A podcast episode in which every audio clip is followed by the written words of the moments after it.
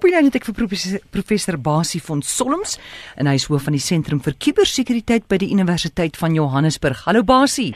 Goeiemôre daar aan jou en jou span en almal wat daar buite is in die kuberruimte. In die kuberruimte.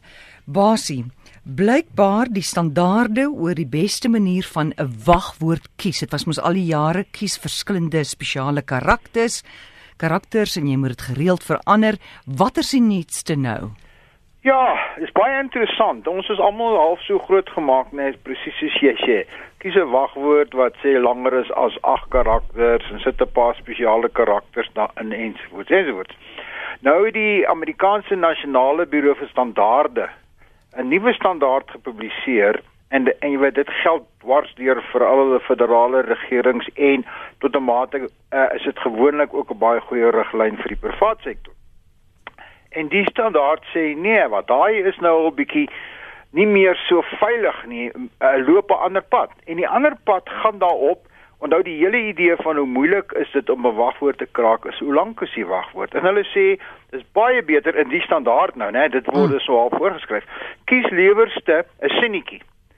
Uh, ons kan praat van 'n wagwoord sinnetjie of miskien is iets soos 'n wagsinnetjie. Is miskien nou 'n nuwe woord wat ons kan gebruik. Mm. En die wagsinnetjie is baie langer. As jy byvoorbeeld moet nooit sê jou wagwoord is is wagter. As jou hond se naam wagter is, dan kies baie mense hulle wagwoord is wagter. Mm. Hy's te kort. Sê as jy byvoorbeeld die ander paai loop en sê my hond se naam is wagter of my hond met die lang stert se naam is wagter uh, wat jy nooit gaan vergeet nie. Jy hoef dit ja. nie eers neer te skryf nie. Jy jy onthou net of kies 'n sinnetjie wat jy gaan onthou. Ek is op 'n donderdag gebore.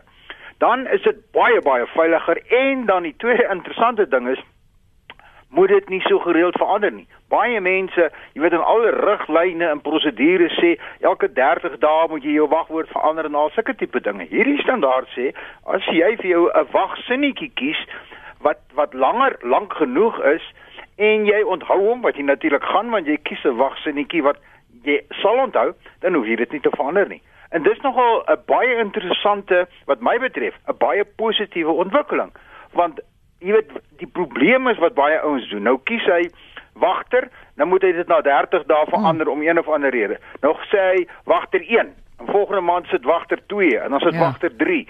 En en dit werk nie, maar as jou sinnetjie, jou wagsinnetjie lank genoeg is, wat jy onthou, dan hoef jy dit nie so gereeld te verander nie. En tweedens begin gebruik maak van die konsep van 'n uh, 'n wagwoordbestuurder. Dit is 'n tipe 'n program wat jy kan aflaai en ek dink op ons webwerf van die kuber die sentrum vir kubersekuriteit is daar 'n bietjie 'n verwysing waarin jy nou al jou wagwoorde kan gaan stoor as jy wil. Maar die belangrike ding hier, interessante ding is 'n wagsinnetjie wat jy nie gereeld verander nie. Is daar nie 'n beperking op die aantal letters wat jy kan gebruik met jou wag sin nie? Uh normaalweg nie. Normaalweg nie. Die die probleem is hoekom mense dit kort kies. Dis dis vinniger. Jy weet almal van hmm. ons is haastig. Ons wil nie gaan intik my my my hmm. swart hond se met die langstert se naam is wagter nie. Want dit nee, dit vat te veel tyd. Aan die ander kant het ons al vir mekaar gesê hoeveel keer, hmm. jy weet jy, ek en jy as gebruikers gaan iewers iets moet begin bysit. Ons gaan bietjie van ons kant af meer moet begin doen. En hierdie aanduiding is eintlik kies jou wagwoord langer spandeer meer tyd as jy aan aan aanteken en dan is die kans dat jou identiteit op jou uh Facebook profiel of op jou Twitter profiel gekaap kan word soveel laer want jou wagwoord is beter. Goed, nou Basie. Kan en mag my werkgewer na my e-pos boodskappe en ander besoeke aan web webwerwe in die kuberruimte kyk? Ek dink dis 'n baie baie baie belangrike vraag en dit raak almal van ons, almal wat daar buite luister of jy nou 'n gewone werknemer is en of jy 'n baas is en 'n werkgewer is of wat ook al. En die kort antwoord is uh soos wat regsgeleerde is want hierdie is eintlik 'n regsgeleerde vraag, né? Nou as jy enige vraag vir 'n regsgeleerde vraag, dan sê altyd vir jou dit hang af van. Nou my antwoord van jou is dit hang, hang af van. En my antwoord is ja, hy mag dit doen, nee, hy mag dit nie doen nie en en en die die verduideliking is soos volg. Daar's soveel omstandighede. Maar dat ons dat ons dit eenvoudig probeer maak. As jy by 'n maatskappy werk en toe jy aangestel is, het jy ook in jou aanstellingsvoorwaarde 'n dokument onderteken waarin jy gesê het en waarin daar staan dat hierdie infrastruktuur, hierdie rekenaar, hierdie netwerk alles behoort aan die maatskappy alles wat jy op hierdie rekenaar doen, kan die maatskappy na kyk. Jy moet dus geen verwagting hê van privaatheid uh in terme van enige aksie of transaksie wat jy doen nie. En jy teken dit, dan dan jy geteken, dan kan jy dit doen. Wow. As jy dit nie geteken het nie en jy gaan kyk die meeste maatskappye begin dit vandag doen as gevolg van die ons wet, ons wetgewing die sogenaamde RICA wet wat duidelik uitspel waar, waar hoe en wanneer mag dit gebeur. Maar as jy so 'n dokument onderteken het, wees versigtig. Wees baie versigtig want onthou iewers het ek statistiek gelees in die week dat in 'n ondersoek wat gedoen is onder 600 werknemers van 'n paar maatskappye spandeer tot 70% van hulle, meer as 70% van hulle werkstyd hmm. spandeer hulle op hulle sosiale profile of om speletjies te speel in werkstyd. En tot 80% van die e-posse wat hulle stuur is privaat e-posse. Nou moet jy natuurlik aanvaar wat word van produktiwiteit. So die werkgewer begin al meer en meer. Werkgewers begin al meer en meer sê maar ons kan dit net nie bekostig nie.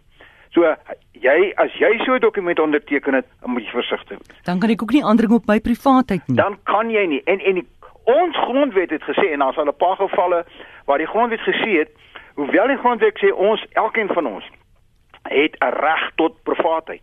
Ons het 'n reg tot vryheid van spraak. Is dit nie absoluut nie. Mm, mm. Dit word bepaal van die omgewing waarbinne daai reg van jou deur ander regte beïnvloed word. En as jou werknemer hierdie ooreenkoms met jou gemaak het toe hy jou aangestel het, dan is jy vas, dan gaan jy nie wegkom daarvan. Kan jy weier om dit te teken?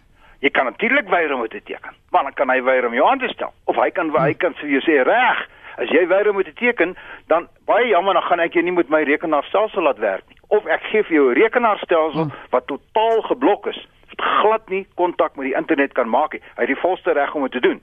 So as jy sê nee, jy, jy beïnvloed my privaatheid, dan sê jy goed, gaan die werknemer natuurlik sê, goed in daai geval A, wil ek jou in my diens hê en B, as jy dan as ek jou in my diens wil hê, dan blok ek en dit kan hy doen. Hy blok jou toegang tot die internet wat ons ook moet onthou is as jy regte as hy regtig en daar's baie etiese natuurlik meeste werknemers of 'n klomp werkgewers is eties.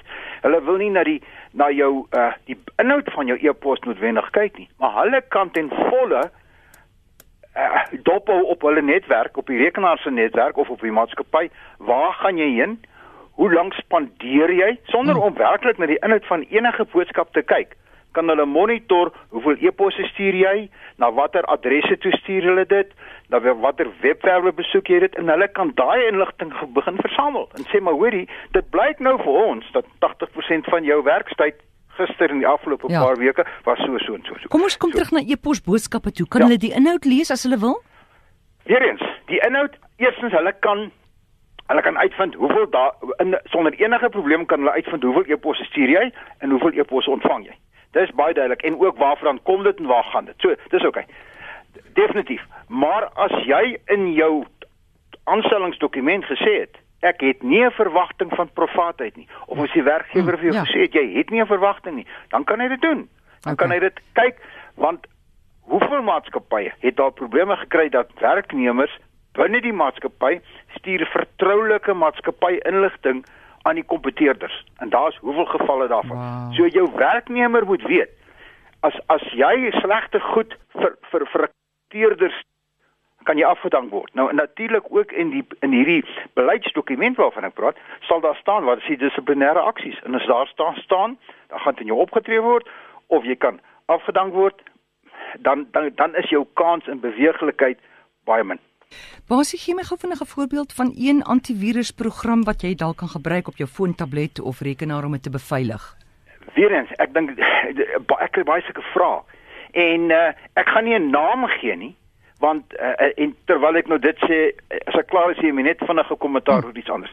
Wat ons wel gedoen het is Kennis Lou, ons webbestuurder van ons sentrum vir kubersekuriteit by die Universiteit van Johannesburg by www cybersecurity.org.za het 'n baie goeie nuwe verslag daarop geplaas waar 10 antivirusprogramme mm. vir Android. Dis nou net vir die Android bedryfstelsel. Dis nie vir iPhones nie, maar vir Android bedryfstelsels wat in elk geval baie wyd gebruik word, geëvalueer word. So gaan sk skakel aan soontoe, gaan kyk, gaan lees daai 10 verslae Baie van hulle is verniet.